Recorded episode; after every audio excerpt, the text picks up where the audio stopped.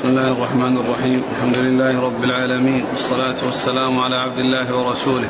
نبينا محمد وعلى آله وصحبه أجمعين. أما بعد فيقول الإمام الحافظ عبد الغني بن عبد الواحد المقدسي رحمه الله تعالى يقول في كتابه العمدة في الأحكام في باب الجهاد كتاب الجهاد وذكر أحاديث منها. قال عن عبد الله بن عمر رضي الله عنهما أنه قال أجرى النبي صلى الله عليه وعلى آله وسلم ما ضمر من الخيل من الحفياء إلى ثنية الوداع وأجرى ما لم يضمر من الثنية إلى مسجد بني زريق.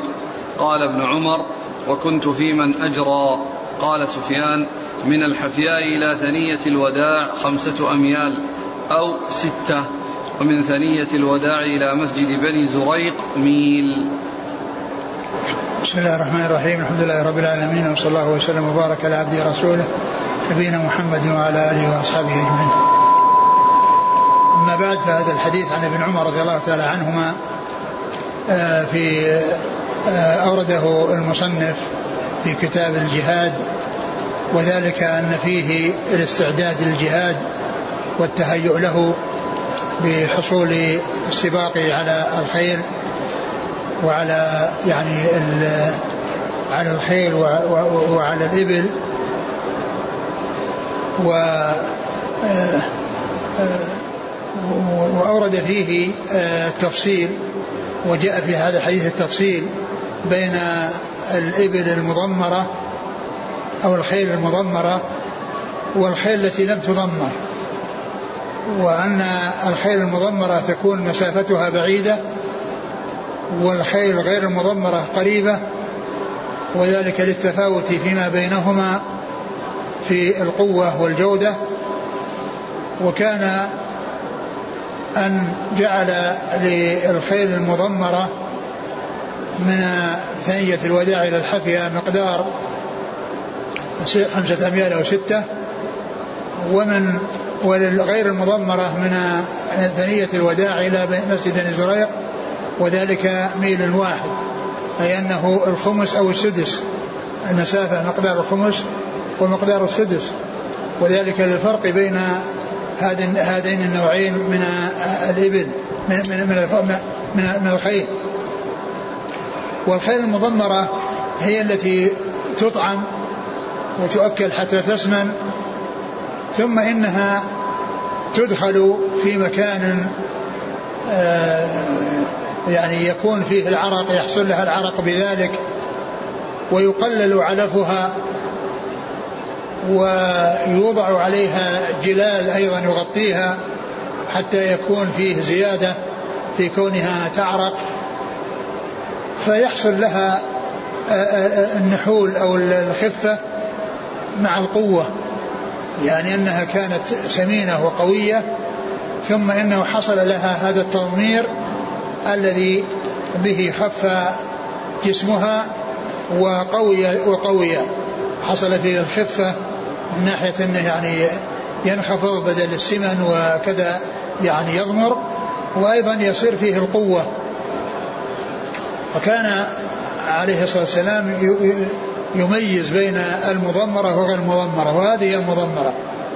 كونها تكون سمينة أكلت حتى سمنت ثم بعد ذلك أدخلت في مكان يعني فيه يعني حر شديد فيحصل لها العرق ويقلل أكلها وهي فيه وأيضا يوضع عليها أجلة تغطيها فيكون في ذلك آه، يعني شيء من نحول جسمها أو ضعف جسمها وزوال شيء من سمنها مع حصول القوة القوة لها.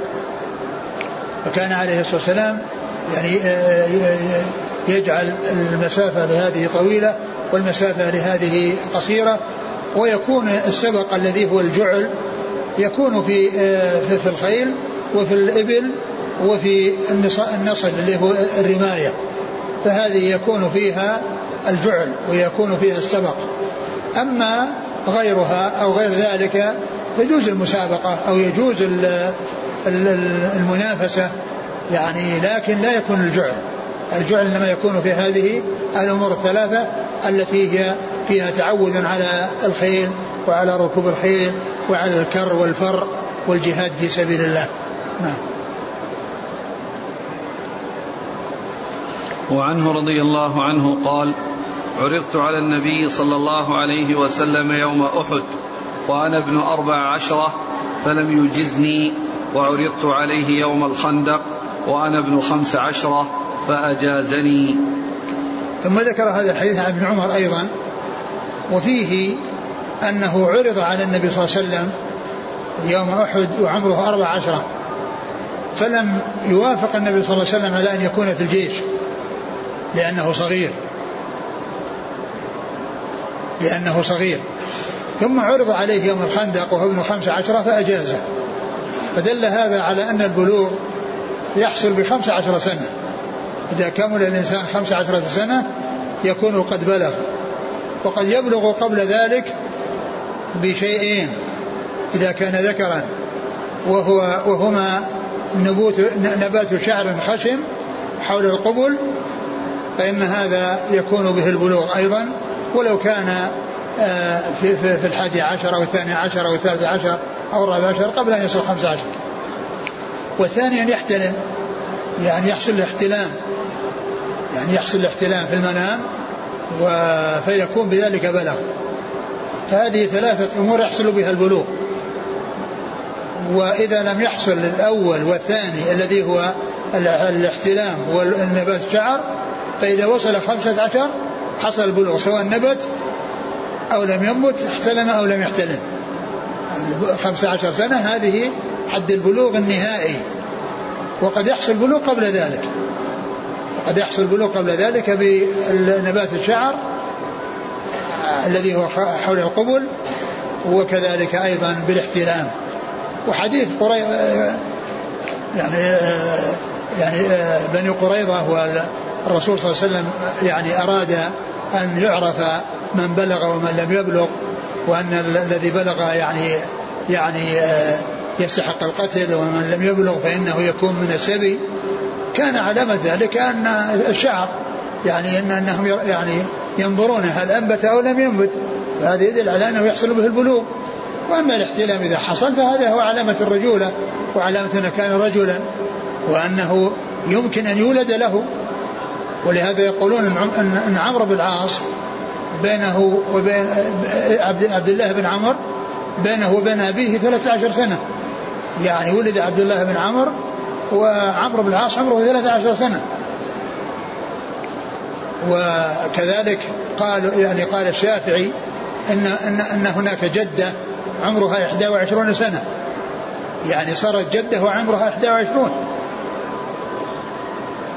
و ف آه، فهذا فهذا يدل على على علامة من علامات البلوغ وهي العلامة النهائية. إذا لم يحصل قبلها شيء يدل عليه فان البلوغ أصولها يعني يدل على البلوغ. ثم أيضا الحديث يدل على ما كان عليه أصحاب الرسول صلى الله عليه وسلم من الحرص على الجهاد في سبيل الله وأن الصغير يحاول ويأتي أن حريصا على أن يكون مع المجاهدين ويستأذن في الجهاد وفي سن مبكرة. لكن الرسول عليه الصلاة والسلام إنما جعل الجهاد إنما هو للرجال المكلفين البالغين. ولهذا الرسول عليه الصلاة والسلام لما عرض عليه ابن عمر لم لم يجزه. وعمره آه، آه، أربعة عشر سنة. وبعد لما كان عمره خمسة عشر سنة أجازه. وقد ذكر يعني في السير أن أن الخندق في سنة خمس وأن أحد في السنة الثالثة. يعني فبين فبينه وبينهما غزوة ذات الرقاع في السنة الرابعة. فيمكن أن يجمع بينهما لأنه قال خمسة عشر سنة عام الخندق خمسة عشر سنة.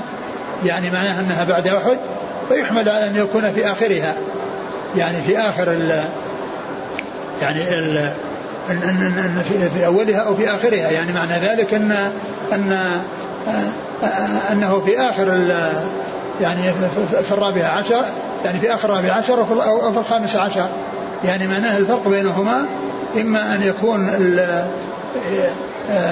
أن, هذه تلي هذه أو أن بينهما فرق ولكن المعتبر هو جبر الكسر وكونه يعني يصير ينسب إلى الآخر أو الأول بالنسبة للسنوات. نعم.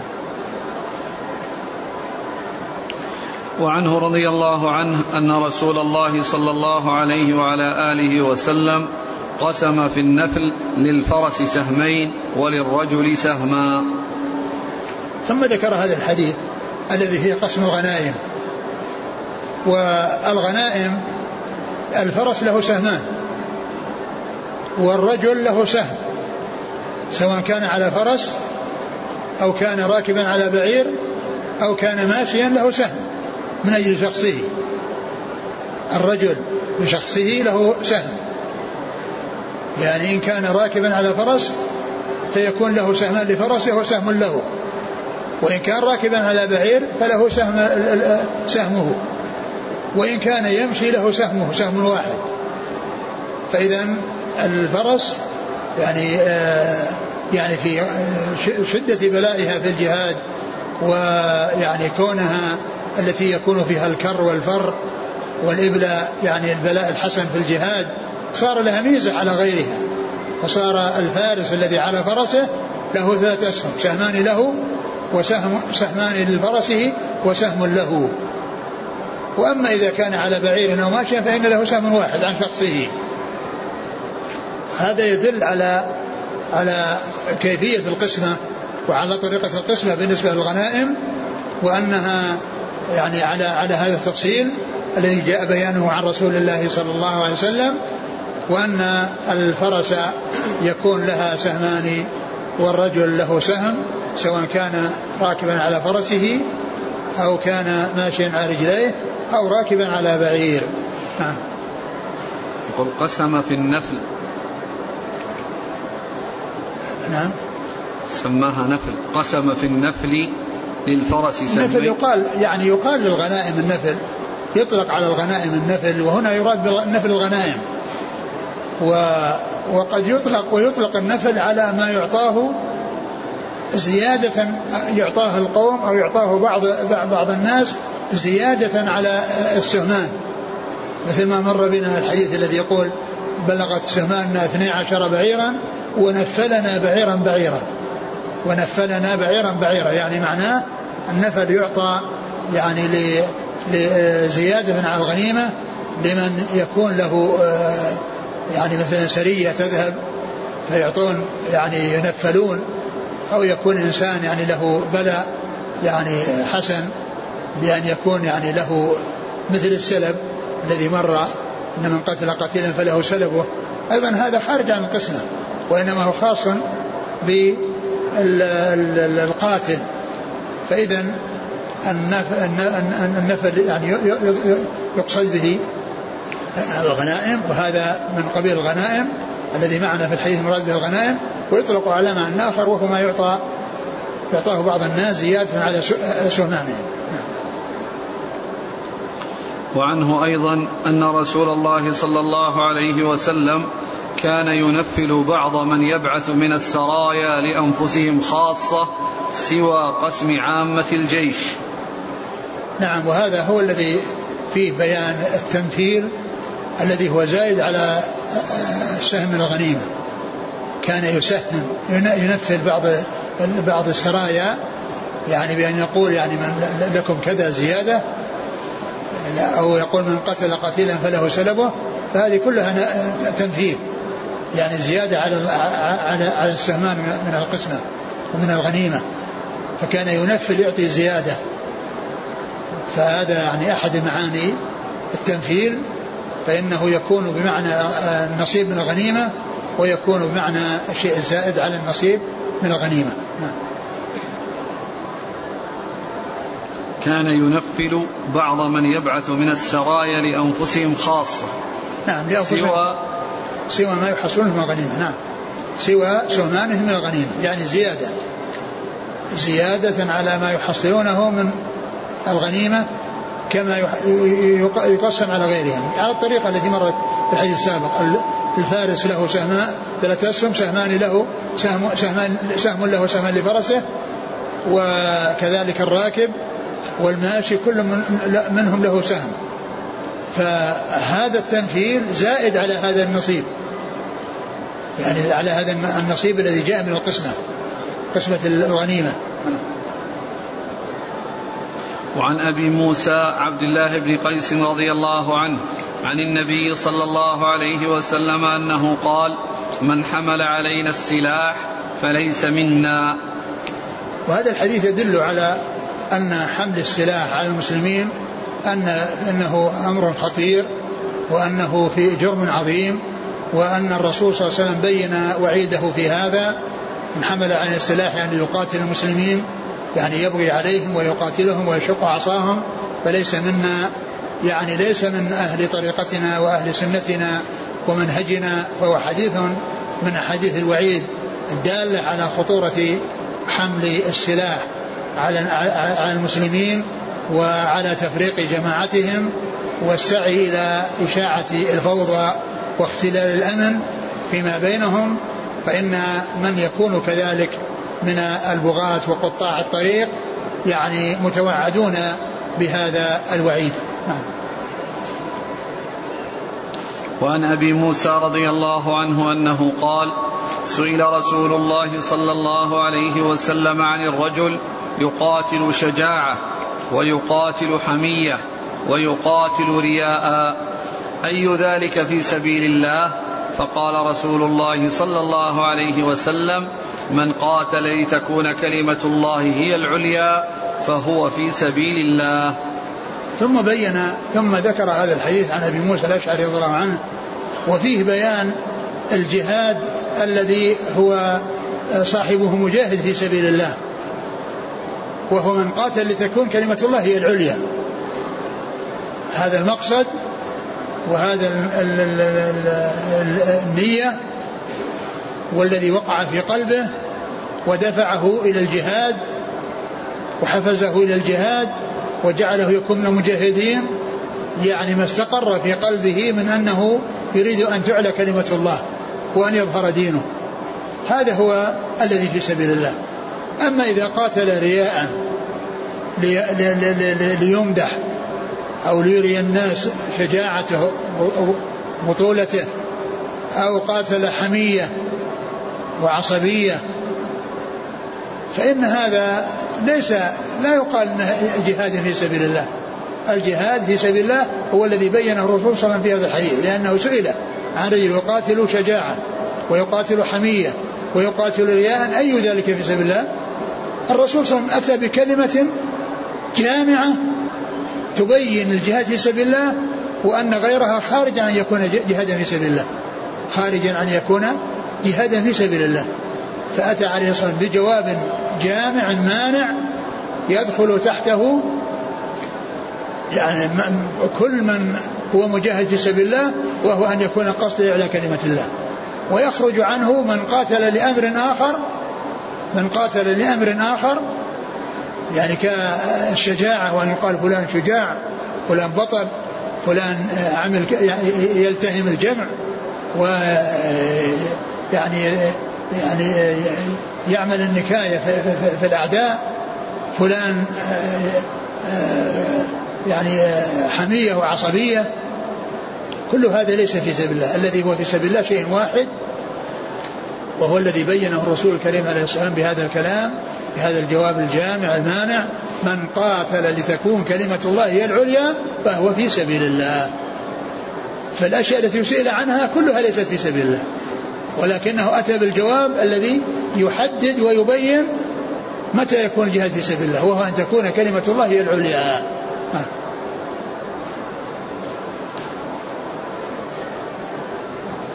قال رحمه الله تعالى كتاب العتق.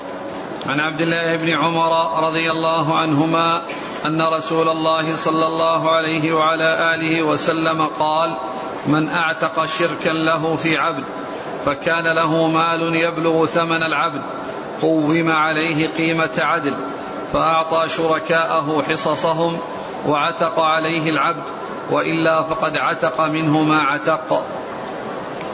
ثم ذكر كتاب العتق.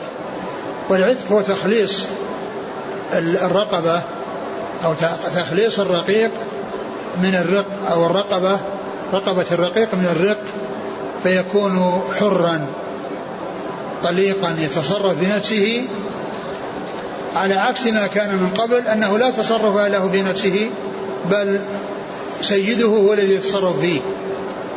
يعني آه، منافعه ليست ملكا له وإنما هي ملك لسيده. منافعه ليست ملكا له وإنما هي ملك لسيده. وإذا صار حرا صارت منافعه ملكا له. يتصرف كيف يشاء ويفعل كيف يشاء. ليس له يعني مثل العبد الذي تصرفاته كلها محكومة بإذن سيده ومنافعه مملوكة لسيده فإنه بكونه اعتق يعني خلص من كونه رقيقا منافعه لا يملكها وهي ملك لغيره إلى كونه حرا طليقا منافعه له وبيده ويتصرف بنفسه كيف يشاء. و والإسلام لما شرع الرقة وهو يأتي عن طريق الكفر وعن طريق الاسترقاق يعني في الجهاد في سبيل الله. فهذه طريقة الرق الشرعي أن يكون حصل عن طريق الجهاد في سبيل الله. ولهذا يقولون في الرق عجز حكمي سببه الكفر. عجز حكمي سببه الكفر يعني وكونه يعني الناس قتلوا في سبيل الله ثم حصل السبي فصار هؤلاء المسبيين أرقا بسبب كونهم قتلوا على الكفر ويعني آه، آه، استولى عليهم المسلمون فصار صارت النساء والأولاد أرقا وكذلك أيضا من آه، يعني من من قبضوا عليه ومسكوه ولم يحصل له القتل فإنه أيضا فإن فإن هؤلاء هم الأرقة. ثم إن الشرع بعد بعدما شرع الرق شرع و الطرق المختلفة في التخليص منه. قد جاءت النصوص الكثيرة في الترغيب في العتق والحث عليه وجاءت في في كفارات في الكفارات أن فيها العتق. بل أول الكفارات هي العتق. الكفارات اللي فيها ترتيب أولها العتق. كما جاء في القتل فإن العتق مقدم على الصيام وكذلك في الظهار وال ولكن في نهار والجماع في نهار رمضان يعني والذي فيه العتق ثم صوم شهرين ثم الإطعام يقدم العتق. فالعتق هو المقدم على غيره. وهذا كله يدل على الترغيب في العتق ما إذا وجد الرق. ثم ذكر هذا الحديث وهذا أيضا يدل على الترغيب في العتق. وعلى بيان اهتمام الإسلام بالعتق قال ما اعتقل شركا له في عبد يعني عبد مشترك بين عدة شركاء واحد منهم اعتق نصيبه واحد منهم اعتق نصيبه.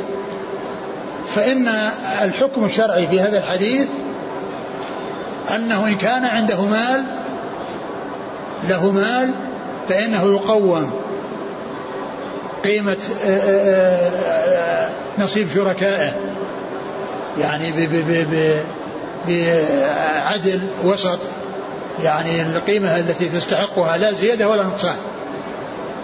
فيعتق عليه يعني يعتق من ماله يعني ويؤخذ من ماله ما يدفع للغرماء الذين هم شركاؤه. يعني تدفع لهم يعني انصبائهم بعد النصيب نصيبه الذي اعتقه. يعني لما اعتقه اعتق نصيبه فإنه يكلف بأن يعتق الباقي إذا كان له مال. وذلك بأن يدفع إلى غرمائه أو إلى شركائه ما يقابل آه، نصيبهم من الرقيق. ويقوم ذلك تقويما. يعني لا يكون يعني آه، يبالغ فيه.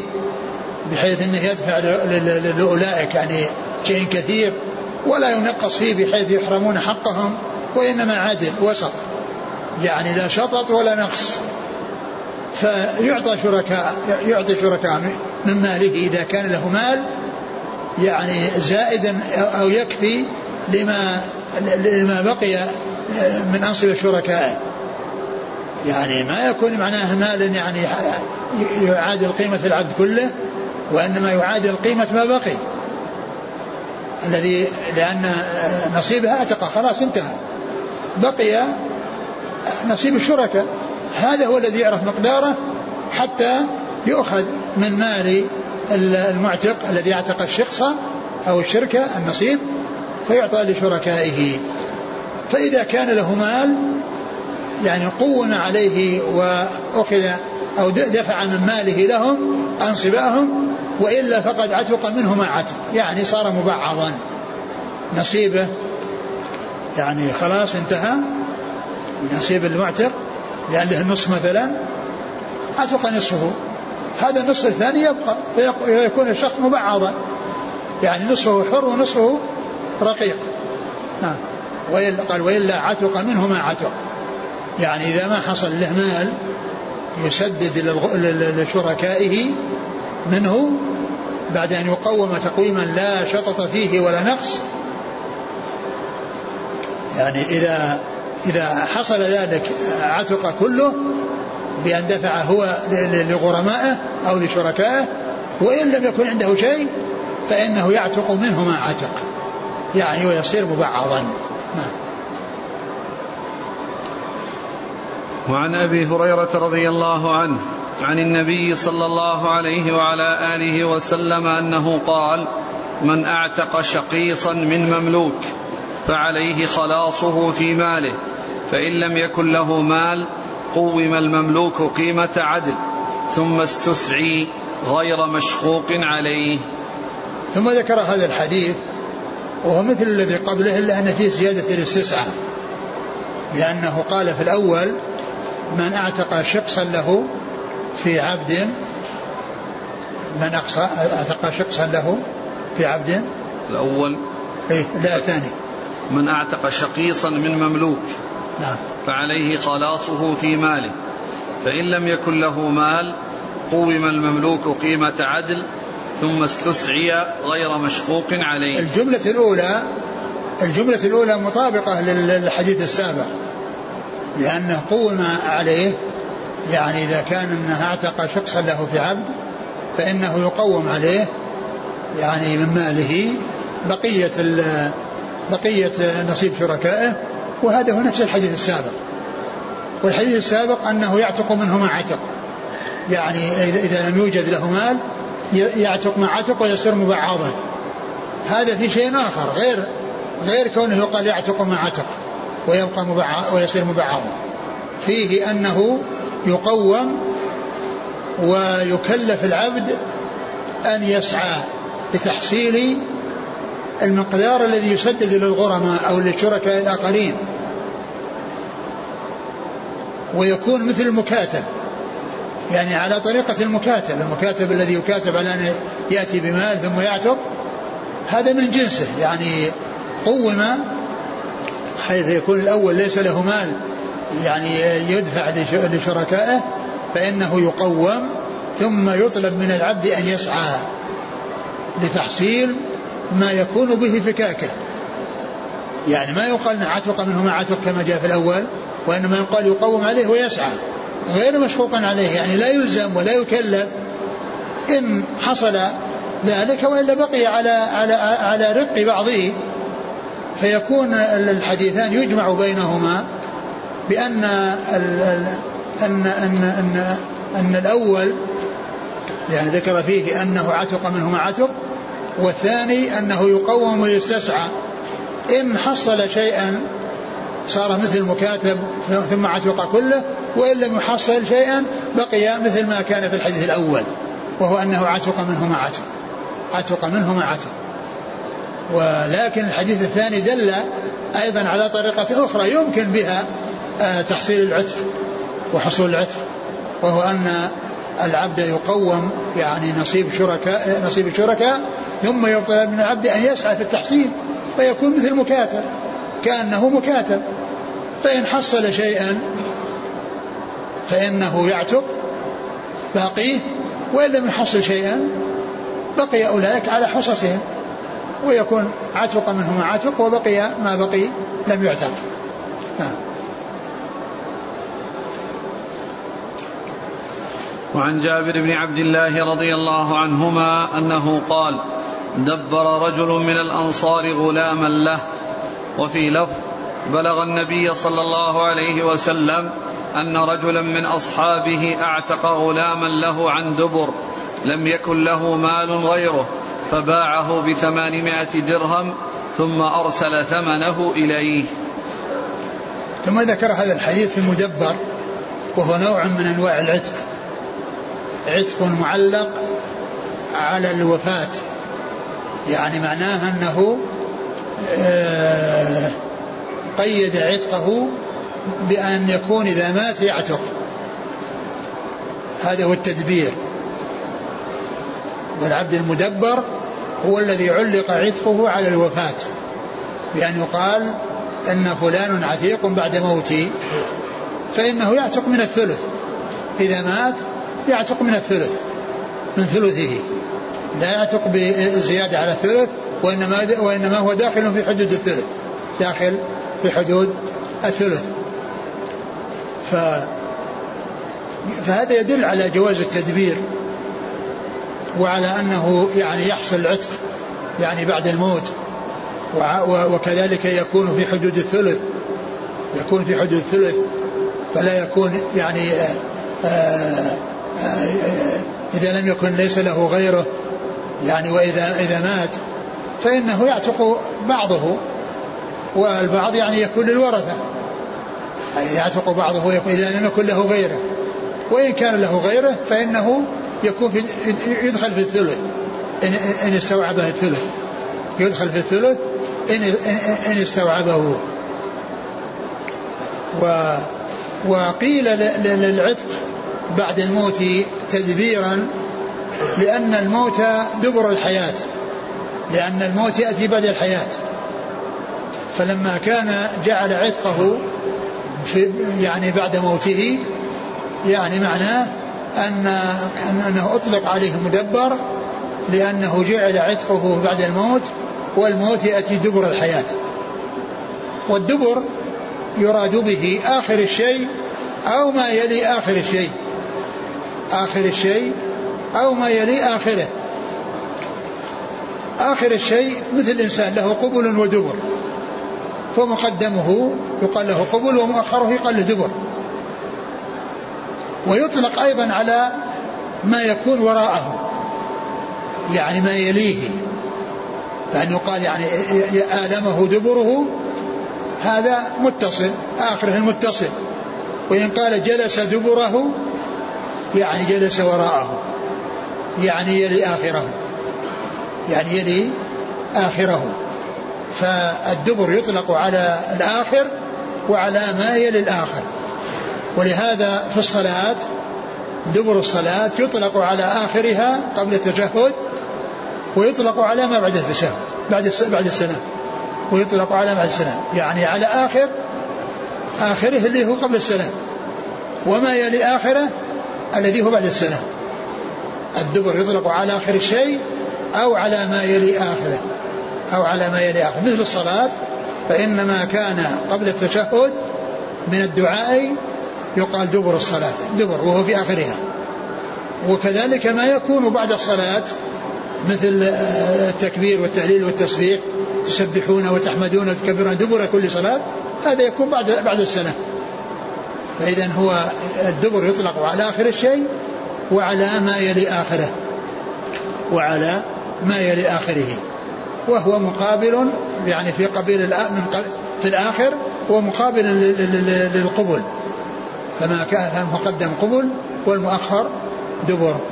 ومن جلس وراءه يقال جلس دبره يعني وراءه وكذلك الصلاة يعني يطلق الدبر فيها على آخرها قبل السلام وعلى ما يكون بعد السلام. ولهذا الحديث الذي فيه يقول دبرك صلى الله معني على ذكرك وشكرك وحسن عبادتك. يمكن أن يؤتى به قبل السلام ويؤتى به بعد السلام لأن هذا دبر وهذا دبر. لكن ذكر التحميد والتسبيح والتسبيح التسبيح التسبيح والتحميد والتكبير الذي جاء في الحديث هو في بعد السلام الذي هو يلي الآخر. الذي هو يلي الآخر لأن هذا لا يؤتى به قبل السلام. سبحان الله والحمد لله والله أكبر. ثلاثة الذين وتمام المئة. لا إله إلا الله وحده شريك له الملك والحمد على كل شيء قدير. هذا من قبيل يدخل في الدبر الذي يلي الآخر. من قبيل الدبر الذي يلي الآخر الرسول عليه الصلاة والسلام لما أعتق رجل من أصحابه عبدا له عن دبر يعني يعني بعد موته ولم يكن له مال غيره وهو بحاجة إليه الرسول صلى الله عليه وسلم باعه وأعطاه ثمنه لينتفع به وأهله.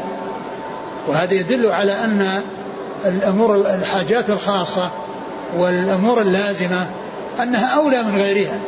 وكل إنسان ينفق على أولاده وينفق على من يعوله أولى من كونه يتصدق. لأن ما ينفق على أهله أولى من التصدق لأن هذا فرض وذاك نافلة. والفرض يقدم على النفل. الفرض يقدم على النفل. النفقة واجبة ولازمة ومقدمة على غيرها. والنفل هو شيء ليس بواجب والعتق ليس بواجب والنفقة واجبة ولازمة. فالرسول صلى الله عليه وسلم لما لم يكن له مال غيره وهو محتاج إليه باعه وأعطاه ثمنه لينتفع به. وهذا يدل على أن أن التدبير أنه لا يلزم استمراره بل يمكن أن يترك مثل ما تركه النبي صلى الله عليه وسلم في قصة بيع هذا المدبر. لأن لأنه ما أقر هذا التدبير بل باعه. وكذلك لو أراد الإنسان أن أن يغير يعني لأن الوصية يعني يحصل التغيير فيها والتبديل يجوز.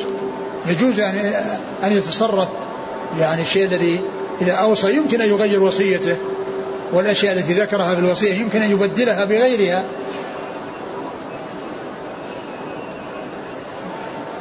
أقرأ الحديث. وعن جابر بن عبد الله رضي الله عنهما أنه قال دبر رجل من الأنصار غلاما له. وفي لفظ بلغ النبي صلى الله عليه وسلم أن رجلا من أصحابه أعتق غلاما له عن دبر لم يكن له مال غيره فباعه بثمانمائة درهم ثم أرسل ثمنه إليه. يعني الرسول صلى الله عليه وسلم باع هذا العبد بثمانية درهم وأرسل ثمن إليه ليقوم بما هو واجب عليه من الإنفاق على نفسه وعلى أولاده. الإنفاق على نفسه وعلى من يعوله وأن هذا شيء واجب والعتق إنما هو مستحب وإنما هو نافل وليس بواجب هو الفرض مقدم على النفل. الفرض مقدم على النفل ولهذا الفرائض هي التي لا بد منها والنوافل تأتي بعد الفرائض. ولهذا يقول الله عز وجل في الحديث القدسي وما تقرب إلي عبدي بشيء أحب إلي مما افترضته عليه. ثم قال ولا يزال عبدي يتقرب إلي بالنوافل حتى أحبه. ويقول بعض السلف وبعض العلماء كما ذكر الحافظ بن حجر في الفتح من شغله من شغله الفرض عن النفل فهو معذور. من شغله الفرض عن النفل فهو معذور لأنه قائم بالواجب. ومن اشتغل بالنفل عن الفرض فهو مغرور. يعني يشتغل بالنافلة عن الفريضة يشتغل بغير الواجب عن الواجب هذا غرور. ولكن المعذور هو الذي اشتغل بالفرض عن النفل لأن الفرض شيء واجب فهو معذور. إذا لم يحصل منه نفل لأنه قام بأداء ما هو واجب عليه. لكن كونه يترك الواجب عليه ويروح يأتي بالنوافل هذا من الغرور. هذا آخر الأحاديث في عمدة الأحكام للإمام عبد الغني بن عبد الواحد المقدسي رحمه الله. و وبذلك ننتهي من تدريس هذا الكتاب. والله تعالى أعلم وصلى الله وسلم وبارك على عبده ورسوله نبينا محمد وعلى آله وأصحابه أجمعين. جزاكم الله خيرا وبارك الله فيكم ألهمكم الله الصواب ووفقكم للحق. نفعنا الله ما سمعنا وغفر الله لنا ولكم وللمسلمين أجمعين. آمين. ننبه الإخوة الطلاب إلى أن درس فضيلة الشيخ عبد الرزاق العباد سينتقل من الفجر إلى بعد صلاة المغرب من غد إن شاء الله وسيكون في الشمائل المحمدية للإمام الترمذي وسيوزع الكتاب غدا إن شاء الله في الدرس. يقول السائل ما هو السر أن السائل لما سأل عن الجهاد في سبيل الله ذكر الشجاعة والحمية والرياء؟ ولم يذكر إعلاء كلمة الله. لا ندري إيش السبب. يعني ندري هل هذا هو الذي في ذهنه هذا هو الذي في ذهنه فسأل عنه. لا ندري إيش الذي جعله. يعني هذاك غاب عن باله وهذه الأشياء التي هي في ذهنه. الله أعلم. يقول أحسن الله إليكم من قاتل لتكون كلمة الله هي العليا مع قصد المغنم فهل يكون في سبيل الله؟ نعم لا يضره ذلك. يعني يكون الأصل إذا كان الأصل هو على جهة جهة سبيل الله جهاد في سبيل الله وعلى كلمة الله وكونه يعني يحصل ما حصل من المغنم إذا حصل فإن ذلك لا ينافي كونه في سبيل الله.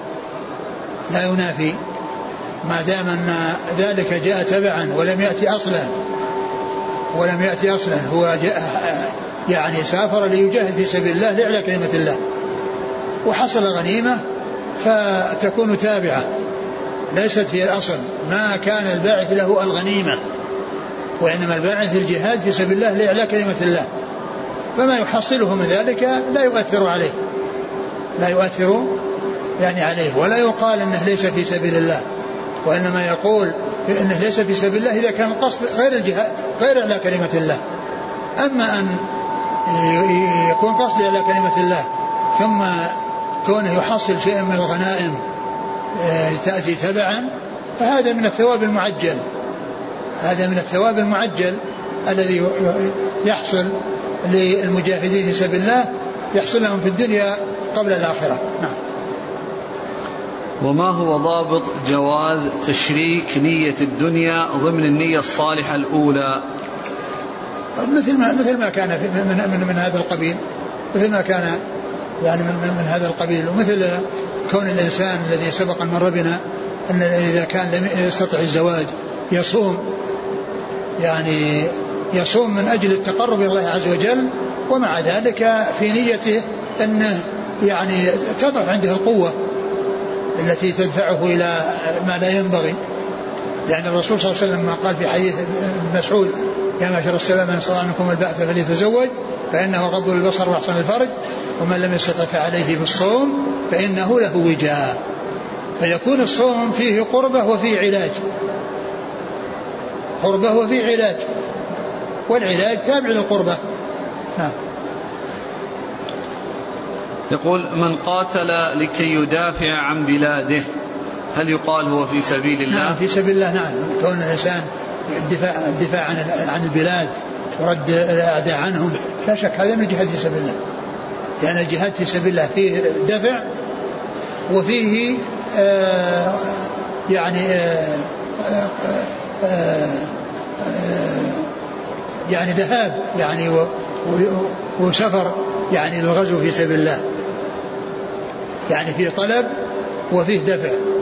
يعني طلب, طلب للأعداء ودفع عن البلاد إذا هاجموا ولهذا يكون فرض عين. إذا إذا حصل المهاجمة يعني فإن الجهاد يكون فرض عين على المقيمين.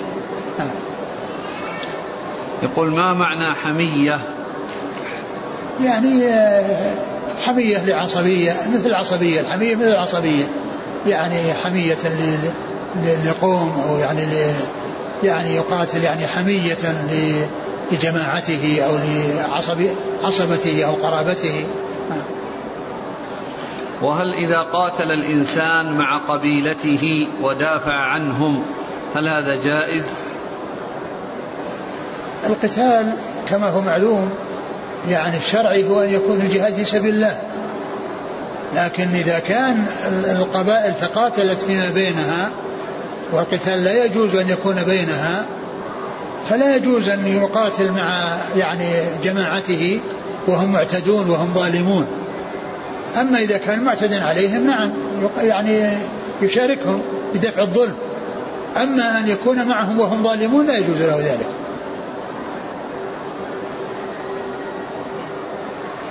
يقول من قاتل رغبة رغبته قاصرة فقط على على نيل الشهادة فحسب. هل هو جهاد في سبيل الله؟ والله لا, شك هذا جهاد في سبيل الله. يعني كونه يقاتل يعني رغبة في أن يستشهد هذا في جهاد سبيل الله. ومعلوم أن أن أن أن أن, أن مثل هذا لا يقال أنه يريد على كلمة الله. يعني هذا يريد على كلمة الله. لأن الشهادة إنما تكون لمن لمن لمن قصد على كلمة الله. أما قضية الموت يعني الموت يحصل بأسباب أخرى غير هذا أسباب غير مشروعة. يعني مثل الانتحار وغيره. لكن الشهادة هي كون الإنسان يجاهد في سبيل الله لإعلاء كلمة الله ويريد الشهادة. أما إنسان يقول أنا أريد الشهادة ولا أريد إعلاء كلمة الله هذا كيف يكون مجاهدا؟ يقول هل صحيح أن قوله استسعي من قول قتادة؟ قال ذلك بعض أهل العلم ولهذا تكلموا في هذا لكن كون صاحبي الصحيح يعني أخرجاه وجعله من كلام يعني من نفس الحديث يعني يدل على على أنه ثابت على أنه ثابت وأن قضية الإدراج أنها غير صحيحة. لكنه يجمع بينه وبين الحديث بما تقدم.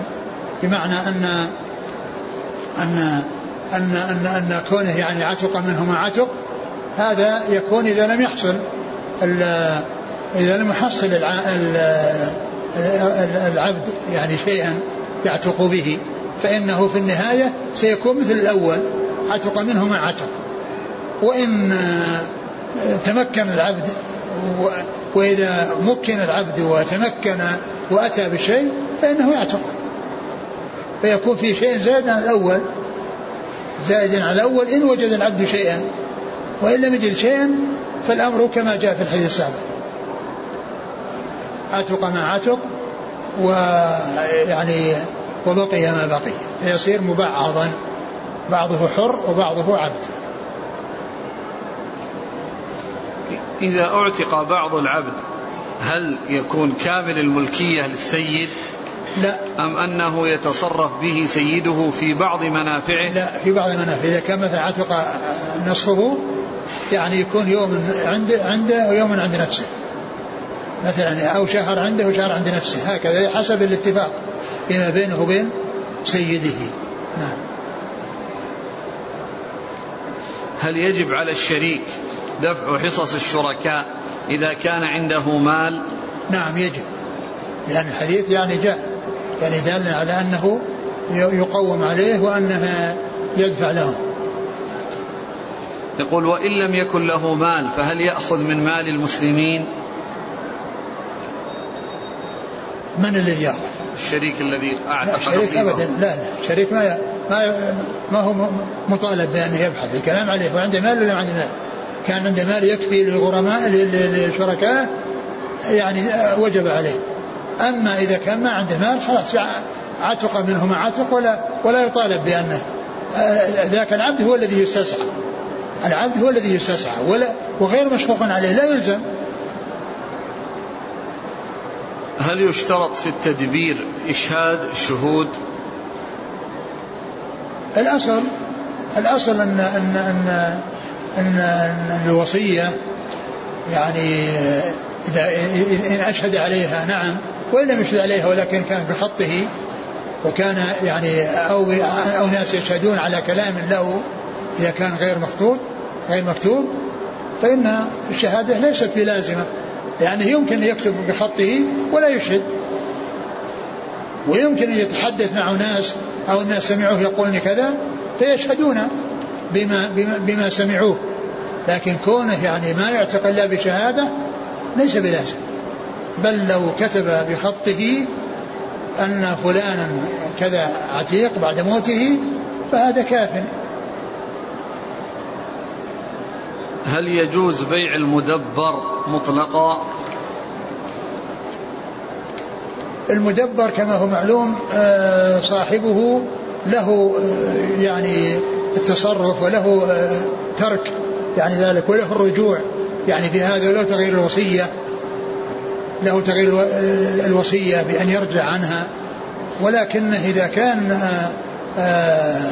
ليس له مال فإنه يباع. أقول يباع عليه يبيعه الوالي ويعطيه إياه ويبدأ بالواجب آه، قبل النفل. يقول السواق الذي يستخدمه الكفيل والعاملة الخادمة في المنزل هل هما بمثابة العبد مع سيده؟ لأن كل منافعه ومصالحه عند الكفيل. لا هذا ما يقال مثل لأن هذا يعني هذا هو الذي آه، اتفق معهم على بذل منافعه. أما ذاك ما في اتفاق ذاك بمجرد كونه آه، صار ملكا له صارت منافعه بيده. أما هذا هذه المنافع التي بذلها هو النفس الذي بذل اتفق معه أجير. أجير بذل نفسه. يعني يسلم نفسه. وتصير يعني منافع مملوكة مثل الموظف.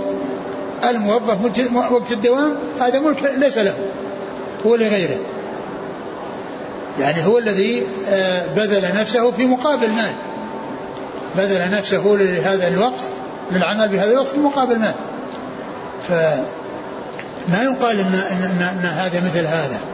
نعم هو مثل هذا أن في هذه الفترة يعني منافعه ليست مملوكة له هذه الفترة.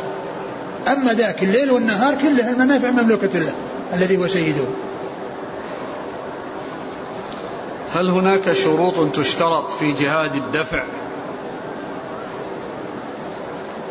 جهاد الدفع كما هو معلوم اولا يعني آه آه, آه، واجب على الجميع ولا بد أن يكون يعني تحت ولاية من ناحية التنظيم. وإذا كان المسألة يعني يعني آه ما صار هناك تنظيم فالواجب هو الدفع على على أي حال يعني إذا كان هناك تنظيم وأمكن التنظيم يعني فإنه يتبع وإذا لم يمكن فإن كل يعني يقوم بما يجب عليه. ما معنى قوله تعالى حتى يعطوا الجزية عن يد وهم صاغرون؟ يعني أن أن اليهود النصارى إذا قوتلوا يعني إذا قالوا إذا قالوا أننا نستسلم ولكن يعني ندفع الجزية ونبقى يعني على في بلادنا وعلى لكن نحن تحت ولايتكم ويعطون الجزية فإنهم يعني لا يقاتلون يكف عن قتالهم. يكف عن قتالهم إذا أعطوا الجزية لأنهم إذا أعطوا الجزية وصاروا تحت ولاية المسلمين والمسلمين هم الذين يحكمونهم يكون هذا من أسباب إسلامهم. لأنهم يشاهدون أحكام الإسلام وأعمال الإسلام وأعمال المسلمين إذا كانت موافقة لأحكام الإسلام فإن ذلك يكون سببا في إسلامهم. لأن كونهم أعطوا الجزية يعني بقي يعني حصل لهم البقاء ولم يحصل لهم القتل ويكون ذلك من أسباب إسلامهم حيث يبقون تحت ولاية المسلمين ويشاهدون يعني أحكام الإسلام ويعرفون أحكام الإسلام فيكون ذلك من أسباب إسلامهم.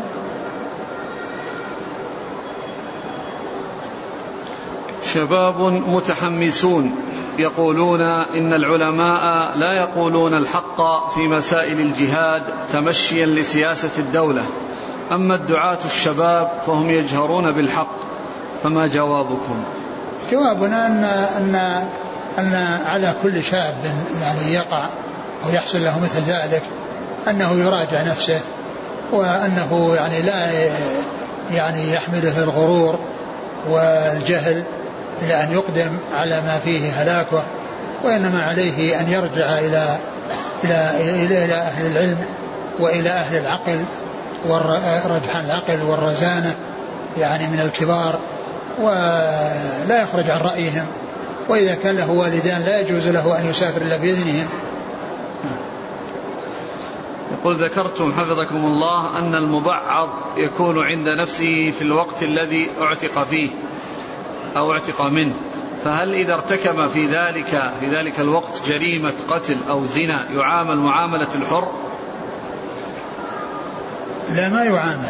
ما دام أنه بعض ليس كامل يعني ليس كامل يعامل معاملة العبد. يقول ما هو الضابط في معرفة أن شعر المرأة كسنام الإبل؟ إيش؟ ما الضابط في معرفة أن شعر المرأة كسنام الإبل؟ يعني كونه يجمع ويكون على الرأس يعني كهيئة السنام الذي للإبل. ما حكم لبس الساعة أو الخاتم في اليد اليسرى؟ لا بأس به سواء باليمنى أو اليسرى كل ذلك ساعة. امرأة توفيت بحادث مروري وهي مدرسة. هل ما يأتي من الدولة من مبلغ مقطوع تعويض؟ هل يدخل في الميراث؟ وهل لأبويها وإخوانها شيء من الميراث علما بأنها متزوجة وليس لها أولاد؟ هذا يعني يرجع إلى نظام الدولة. إذا كانت الدولة قالت إنه لكذا فيكون لكذا لأن هذه عطية. وهذه العطية على على ما يريد المعطي. ما يحصل للقتيل من دية فهذا حكم حكم الميراث. وأما ما يعطى إياه من من جهة معينة أو من الدولة يعني شيء خارج عن الدية فإن هذا يكون حكمه أو طريقته على حسب الجهة المانحة التي أعطته أرادت كذا وكذا فإنه يصرف في الجهة التي أرادت الدولة مثل مثل مسألة التقاعد. حق التقاعد. هذا لا يقال حكم حكم الميراث هذا يقال أن على حسب تنظيم الدولة. نعم. رجل جاء للعمرة فاعتمر أولا عن أبيه ولم يعتمر من قبل هو عن نفسه. ثم هو الآن ذاهب إلى مكة.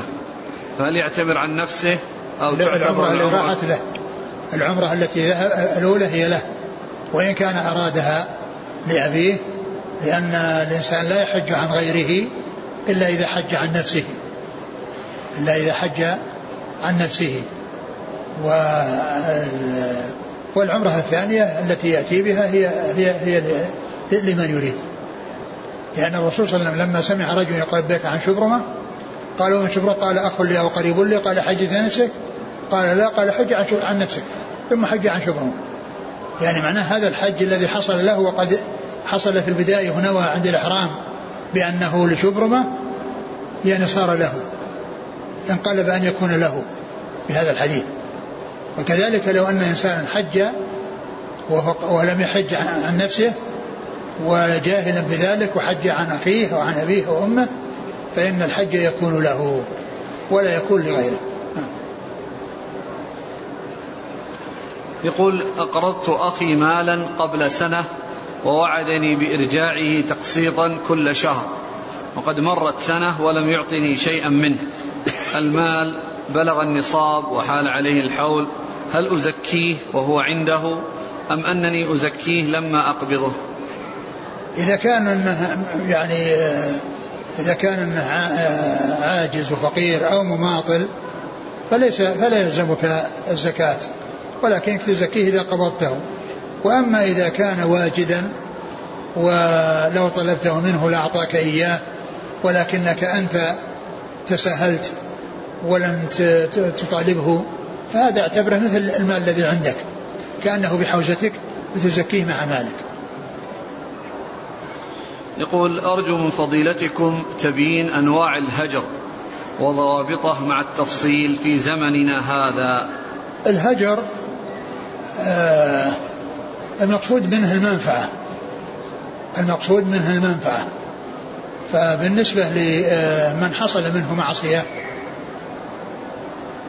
تقتضي الهجر وذلك الذي يهجره له منزلة عنده كأن يكون يعني أباه أو أخاه يعني ذلك الذي يهجر يعني أبا أو أخا وذلك يؤثر فإنه يفعل.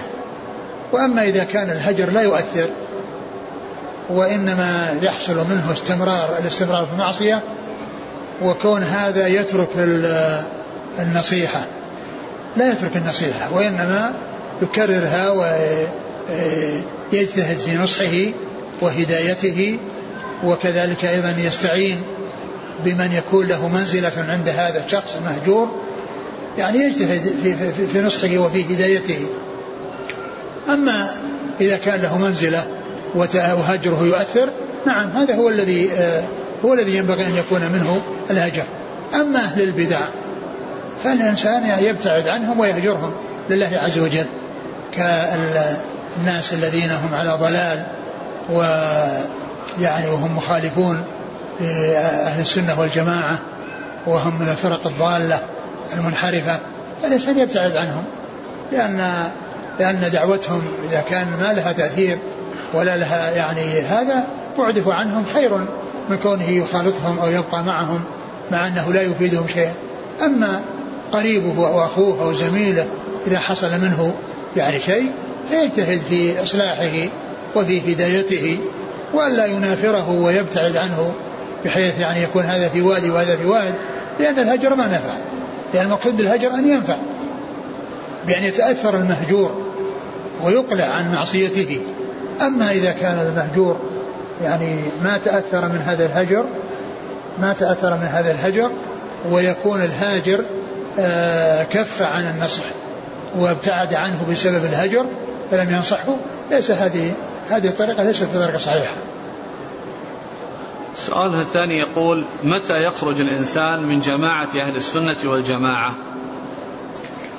إذا كان آه، خرج منها بمنهج أو طريقة مثل خروج الجهمية والمعتزلة والخوارج والرافضة وغيرهم. يعني هذا ليس من أهل السنة والجماعة. أما ما كان من أهل السنة والجماعة وحصل من خطأ وحصل من هفوة فإن هذا يعني لا يخرج عن أهل السنة والجماعة ولكن آه، يتابع ويقبل منه الشيء الذي آه، يعني على حق وما أخطأ فيه يبتعد ويترك ولا يعني يتابع عليه ولكنه لا يهدر ويترك من أجل آه، تلك الغلطة التي غلطها أو الخطأ الذي أخطأه فإنه لا يكون بذلك خرج عن أهل من أهل السنة والجماعة. هل يجوز أخذ العربون عند عدم التزام المشتري بالوعد بدفع باقي المبلغ ما لا أدري ما أستطيع أن أقول في هذا شيء ما هي جلسة المغضوب عليهم؟ يعني كل إنسان آه، يعني يجلس يعني يجعل يديه يعني وراءه. هل يجوز التسمية بعبد المنعم؟ لا نعلم ما يدل على أن المنعم من أسماء الله. والإنسان عندما يسمي يختار يعني اسما واضح بأنه من أسماء الله. ومن سمي عبد المنعم لا يغير اسمه من أجل أنه لا يوجد شيء يدل على أن من أسماء الله بل الله هو المنعم. وهو صاحب وهو, وهو المنعم المتفضل بكل النعم وما من نعمة وصلت إلى الإنسان إلا وهي منه سبحانه وتعالى. ولو كانت على يد غيره على يد أحد من الناس. فإن الله هذا هو الذي سخر هذا الذي أحسن إليك بأن أحسن إليك. فعند اختيار التسمية لا يسمي الإنسان شيء لم يرد أنه من أسماء الله لكن لو سمي بمثل هذا الاسم فإنه لا يغير لأن الله تعالى هو المنعم لكن عند ال عند ال عند الاختيار وعند الابتداء يؤتى بالشيء الواضح الذي لا إشكال فيه. وأما التغيير لا يغير لأن الله تعالى هو المنعم. وهو الستار إذا كان أحد عبد الستار نعم. هذا الأخ له طلب بعد الدعاء. يقول أحسن الله إليكم وجزاكم الله خيرا. وبارك الله في علمكم وعملكم. وإنا نشكركم على هذا على شرحكم لهذا الكتاب القيم المبارك. ونسأل الله أن يتقبل منا. أما بعد فإنا نطلب منك بارك الله فيك أن تشرح لنا بلوغ المرام لما فيه من خير عظيم وعلم جزيل. نسأل الله العلي الأرفق أن توافق على هذا الطلب وبارك الله فيك. نحن لا نستطيع أن نعد بتحديد يعني كتاب معين ولكن آه، نعمل ما يتيسر وما نراه مناسبا في المستقبل إن شاء الله. يقول ما حكم شراء جواز الحج؟ ممن لا يرغب في الحج لهذا العام لظروفه الخاصة. وقد يتم البيع والشراء عن طريق الموظفين في الوزارة. كيف يجوز؟ يعني كيف الإنسان يعني خرج جواز باسمه يبيع على غيره حجبه اسمه غير اسمه. يعني ف فمثل هذا يعني عمل غير صحيح. لأن الإذن حصل لهذا والاسم لهذا. فأنت تحج بجواز ليس باسمك وتقول إن هذا إن هذا إن هذا يعني يعني اولا الناس يعتمدون على الصورة. وأنت يعني معناه ستعمل شيئا بأنك تعمل تزور وتضع صورتك بدل صورة شخص وتنتحل اسمك اسم للشخص. هذا كل هذا كل هذا كلام باطل. يقول هل الترديد خلف المؤذن واجب أم مستحب؟ آه الذي يبدو أنه مستحب وليس بواجب. لأنهم آه، جاء في بعض الأحاديث الآثار أن الصحابة يعني آه كانوا في زمن عمر رضي الله عنه كانوا يعني يجلسون يعني آه يعني يصلون فإذا طلع على المنبر وصار المؤذن صاروا يتحدثون يعني يحدث بعضهم بعضا يحدث بعضهم بعضا وهذا يدل على أنه ليس بواجب لأنه لو كان واجبا لسكتوا ولكن الإنسان هو من, السنن المؤكدة التي لا ينبغي الإنسان أن يتهاون بها وأن يحرص عليه أن يحرص عليها. جزاكم الله خيرا. سبحانك اللهم وبحمدك أشهد أن لا إله إلا أنت أستغفرك وأتوب إليك.